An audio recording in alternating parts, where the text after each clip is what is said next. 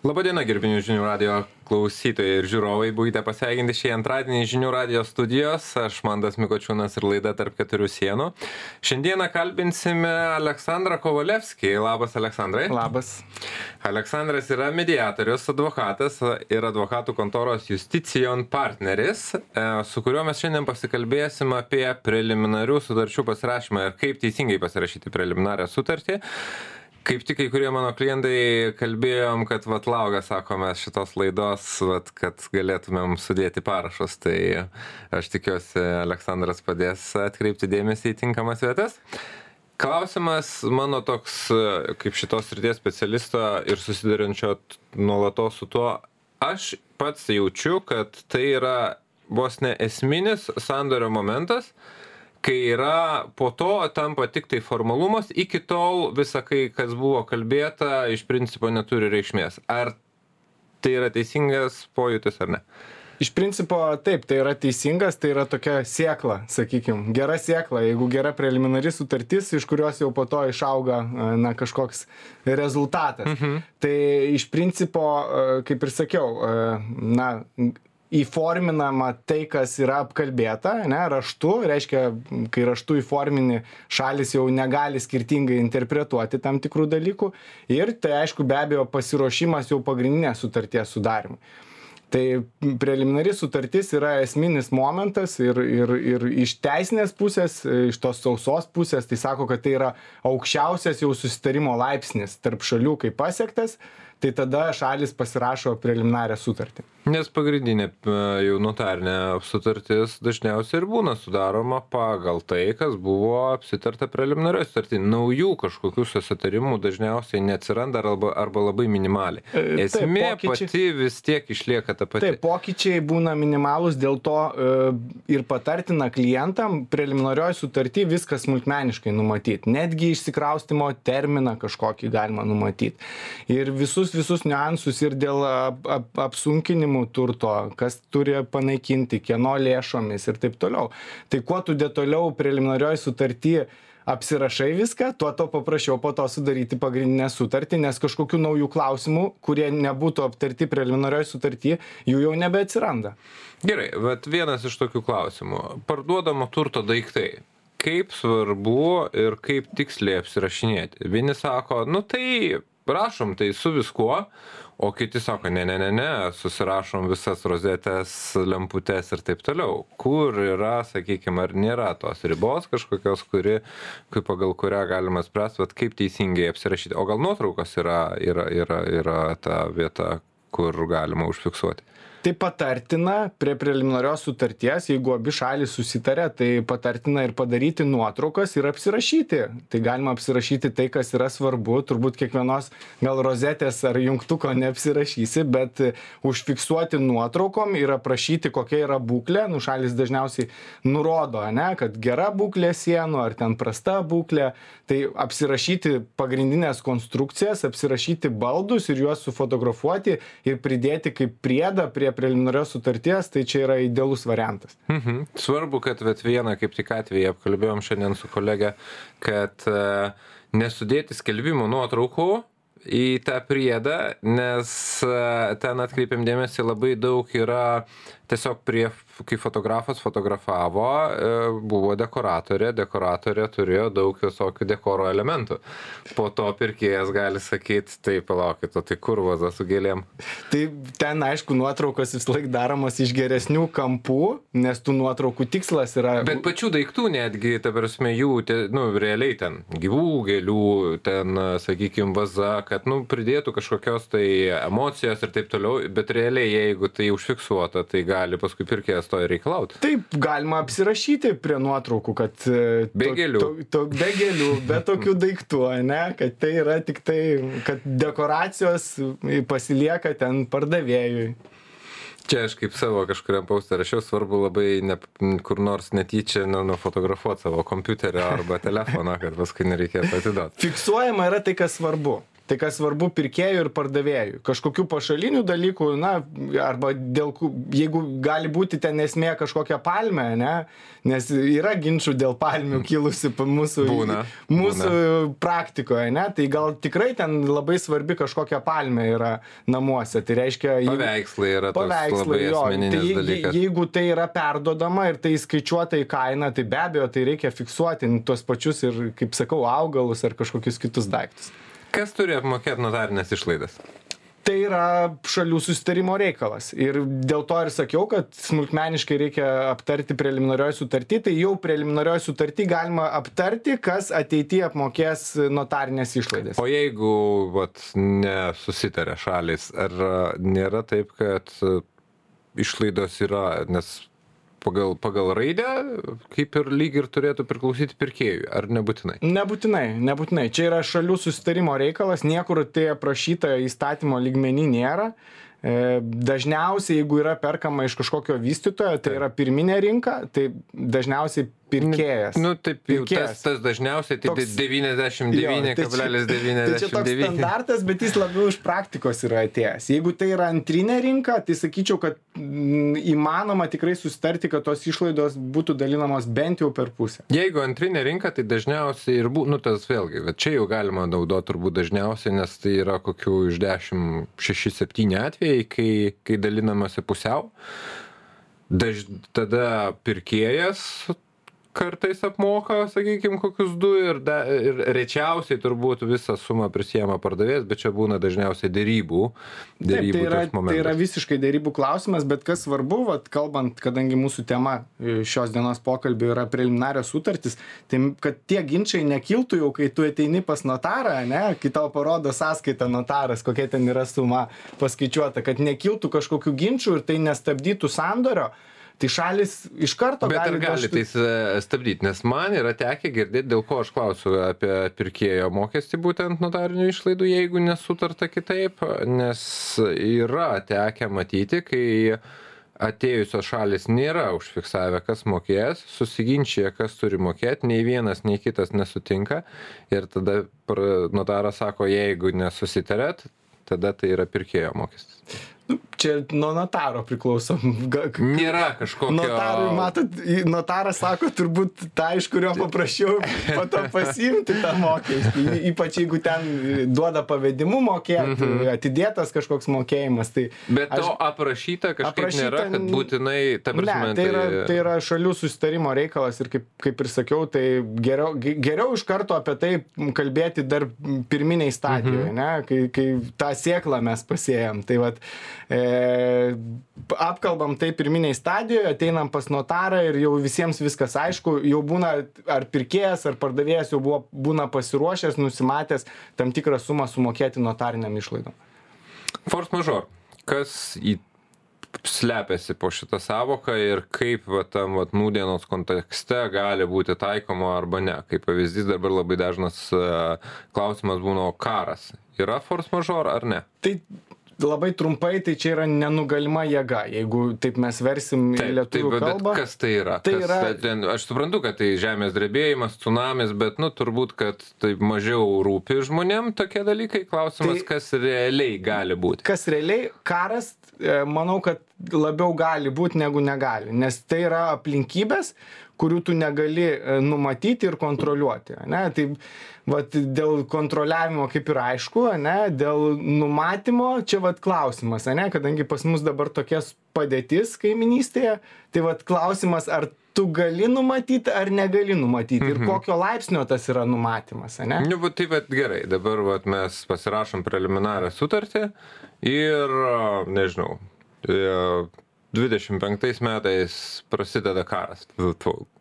Bet e, ir, ir, ir, ir, ir tada ką, gali, gali kita pusė sakyti, kad tu 24 metais galėjai tą numatyti. E, gali taip sakyti, nes, nu, sakau, tokia geopolitinė Va, padėtis. pasiskaityk, Delfi rašo, ar tam 15 minučių, kad kai gali būna, būti. kai būna ginčiai, tai šalis taip ir ateina ir teikia iš tikrųjų ir teismuose straipsnius teikia, va, prašau, tu galėjai, tu galėjai matyti, galėjai žinoti šitos dalykus ir, ir panašiai. Tai va Bet čia toks labiau įrodinėjimo klausimas Taip, tampa? Čia yra įrodinėjimo klausimas ir ir ir nu sakykim aplinkybių klausimas tam tikrų aplinkybių. Kada buvo sudaryta sutartis kada buvo numatyta pagrindinę sutartį sudaryti ar buvo kažkokie galbūt daliniai mokėjimai ir panašiai. Tai tai yra nu sakykim kiekvienas atvejis gali būt labai individualus. Vienu atveju gali būti kad ten pasakysi šimtą procentų yra nenu nenugalima jėga kitu atveju gali kilti ginčas kur viena šalis na pateiks kažkokius svarius įrodymus kad tu iš tikrųjų galėjai tuos dalykus numatyt kontroliuot arba galėjai tą sandorį sudaryti anksčiau nes jeigu tu susitari sudaryti iki tam tikros datos tai tau nebūtinai tos datos paskutinio termino dienos sulaukti. Tu gali ir anksčiau tą sandorį sudaryt. Tai va čia toks labai nu vertinimo jau dalykas bet ar tai gali būt iš principo? Taip manau kad gali bet e, reikia žiūrėti ir kitas aplinkybes mhm.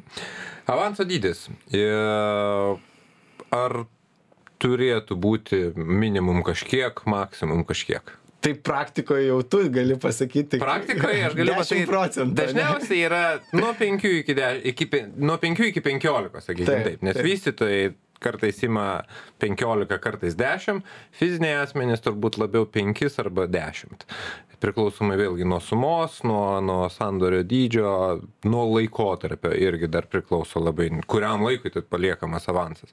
Nes jeigu eina kalba apie porą savaičių nu tai jis gali būt mažesnis bet jeigu kalba eina apie tris mėnesius nu tai ten su su penkiais tūkstančiais jau gal jau nelabai.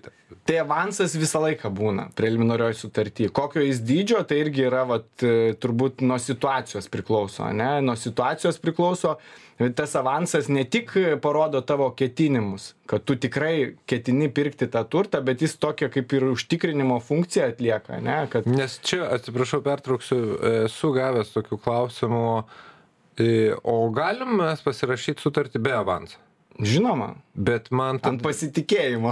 Bet va tada klausimas kokią prasmę ta turi sutartis jeigu nėra avanso? Bet ten gali būt aptartos kit kitos svarbios sąlygos. Jo kitos svarbios sąlygos ir baudos gali būt aptartos nes bauda kažkaip pas mus irgi praktikoj yra įprasta kad bauda yra siejama su avanso dydžiu. dvigubinama.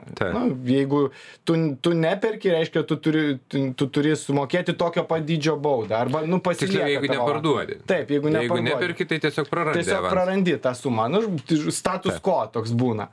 Bet e, tu gali susitart tavo avansas gali būt dešim procentų e, turto vertės bet bauda gali būti penkiasdešim procentų. Galbūt tau labai svarbus tas pardavėjo būtent iš pardavėjo pusės kad jis tikrai parduotų tau ane nes būna ir ir priešingų atvejų kad ne pirkėjas sustabdo sandorį o pardavėjas sustabdo jo. Arba kai va čia buvo tas pats kainų kilimas labai staigus tai kartais pasirašoma preliminari žiema ilgam laikotarpiui ten pusei metų metams ateina ten tas laikas pardavėjas žiūri kad tos kainos užaugo jau jo ta kaina susitarta jau jam galbūt geriau susimokėt baudą arba ieškot kažkaip tai būdų kaip kaip kaip kaip na grąžinti ir susitarti kad nebeparduos. Tai va čia pavyzdys iš praktikos kad net jeigu mes susitariam e, tarpusavyje kad bauda bus nu, tokio pat dydžio kaip avansas. Bet jeigu pardavėjas tave kažkuriuo etapu e, na sako aš tau nebeparduosiu dėl va tai tarkim priežastis ta pati ane pakilo kainos. Taip. Tai reiškia ir yra teismų praktika ir aš pats asmeniškai tokių bylų turėjęs tai reiškia kad jeigu ta bauda faktiškai nepadengia tavo nuostolių realių turėtų dėl vat ir kainų pakilimo ir tu kažkokį kitą objektą turi įsigyti kuris ženkliai brangiau kainuoja negu tada kai tu vedei derybas su tuo pardavėju ir planavai nusipirkti. Tai tą skirtumą kiek tu faktiškai patyrei nuostolių ir kiek padengia tau tiktai bauda va tą skirtumą tarp sumokėtos baudos ir faktiškų nuostolių tu gali prisiteisti iš pardavėjo. Bet bet kiek tai a sakykim šitoj vietoj keičia situaciją nes čia buvo e, tas vat kainų kilimo visam tam epogėjuj kai kurie vystytojai e, teigia kad jeigu tu kaip pirkėjas perki kelis vienetus tarkim kelios yra ne preliminarios sutartys pasirašytos ten dviem pavyzdžiui butam tai tu automatiškai jau perki ne savo reikmėm asmeniniam o jau verslo kažkokiais pagrindais ir automatiškai jau šitas pabrangimo principas jau nebe nebe nebe nebefigūruoja nes vat čia jau ne tai taip automatiškai taip neveikia ir žiūri visų pirma kas perka ane tai yra ar fizinis asmuo ar juridinis asmuo ar tas bet jeigu fizinis asmuo perka du butus. Jo bet fizinis asmuo jis gali vykdyti turėti individualią veiklą ir vykdyti kaip kaip verslą. Jis gali turėti istoriją kad jis perka parduoda ane tuos butus ar kažkokius sklypus žemės. Bet jeigu asmuo iš tikrųjų tokios veiklos neturi tokios istorijos neturi perka sau ir savo močiutei ane tai kaip galima pasakyt kad tai yra ne asmeninėm reikmėm. Tai yra asmeninėm reikmėm ir tu niekaip nepritrauksi kad tai yra kažkaip versliškai daroma. Tai jam lygiai kaip ir bet kuriam fiziniam asmeniui kuris perka sau gyvenamąją vietą jam galioja na didesni apsaugos standartai kaip vartotojui. Bet ar visais atvejais ir visas avansas turi grįžti pardavėjui čia ir irgi yra susitarimo reikalas. Tai gali būti tam tikros e, išimtis sutartyje numatytos. Pirkėjui, atsiprašau, nepradėjau. Jo, tai gali būti numatytos tam tikros išimtis, e, kada tas avansas negrįžta, kokia dalimi. Bet jeigu nenumatyta. Na nu, ir sako pardavėjas, aš negražinsiu tau tada avanso, jeigu tu neperki. Pirkėjas sako, nu taip, avansas turi tau padengti nuostolius o ten aš palikau ten penkiasdešim tūkstančių tai tu tikrai tiek per mėnesį nepatyrei nuostolių.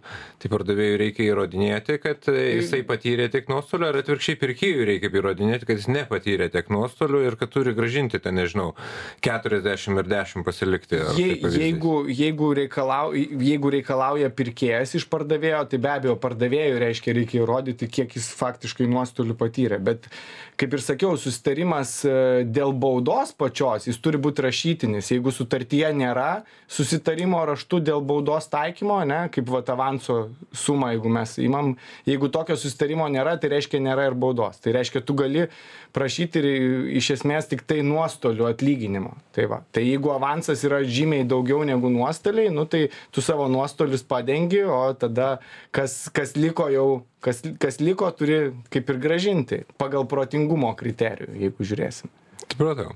Jeigu pirkėjas negauna paskolos arba pavyzdžiui turto vertinimas mažesnis yra negu negu negu perkamo objekto e, sutarta pirkimo pardavimo suma ar tai yra e, sakykim priežastis dėl ko pirkėjas gali ne neprarasti avansą tai tai kaip ir sakiau jeigu sutartyje mes turim tokią nuostatą kad e, negavus paskolos kad gali pirkėjas prašyti pardavėjo grąžinti e, avansą tai be abejo tada vienareikšmiškai jeigu ne negavęs e, tinkamo vertinimo irgi gali prašyti ir jam... Bet būtinai tas turi būti užfiksuota. Tas, tas turi būti fiksuota. Jeigu nėra, tai, Jeigu tai nėra, kaip tai, savaime aišku nėra. Žiūrima tai... tada, na, ginčiuose žiūrima, dėl kieno kalties nebuvo sudaryta. Tai jeigu pats pirkėjas neįsivertino savo finansinės galimybės, jeigu pats pirkėjas, jis jų gali padaryti vertinimą prieš pasirašydamas preliminarią sutartį. Taip tai jeigu jisai neįvertino šitų dalykų nebuvo sakys mane spaudė pardavėjas sakė greičiau palik nes kitam parduos. bet yra taikomi visur atidumo protingumo sąžiningumo standartai. Jeigu kažkur tai už įstatymo raidės tai reiškia mes bendrais principais remiamės. Tai jeigu matom kad iš tikrųjų na pats pirkėjas neatliko tam tikrų veiksmų arba savo veiksmais tam tikrais prisiėmė riziką kad jam gali vat netinkamai neįvertinti kad jis gali negauti reikiamos sumos to turto pirkimui. Na tai yra preziumuojama jau tada kad tai yra pačio pirkėjo kaltė neatidumas ir nerūpestingumas supratau. Aš matau kad mes dar į pa jau keliaujam į pabaigą. Dar vienas greitas klausimėlis apribojimai ir jų fiksavimas būtinas ar nebūtinas ar tai yra paliekama kad registrų centras gi tą fiksuoja ar nebūtina į preliminarią sutartį kaip hipoteką areštą ir panašiai. Tai preliminarioj sutarty dažniausiai nurodoma kokie apsunkinimai yra taikomi turtui. Tai yra na kartais galbūt pirkėjas negauna to išrašo kur galėtų pasitikrinti ir pa pasižiūrėti. Tai sutartyje na tokius dalykus kaip ir šalys turi viena kitai atskleisti. Tai dažniausiai rašoma apie apsunkinimus ir jeigu yra susitarimas tuos apsunkinimus panaikinti iki pavyzdžiui pagrindinės sutarties sudarymo tai irgi aprašoma kas kieno sąskaita iki kokio termino turi tai padaryti supratau. Gerai ačiū aleksandrui kovalevskiui. Ačiū. Advokatui mediatoriui ir advokatų kontoros jus justicijon partneriui. O aš mantas mikočiūnas ir laida tarp keturių sienų šiandieną atsisveikinam. Tikiuosi išgirdote daug e, naudingos informacijos. Susigirdėsim kitą antradienį. Viso geriausio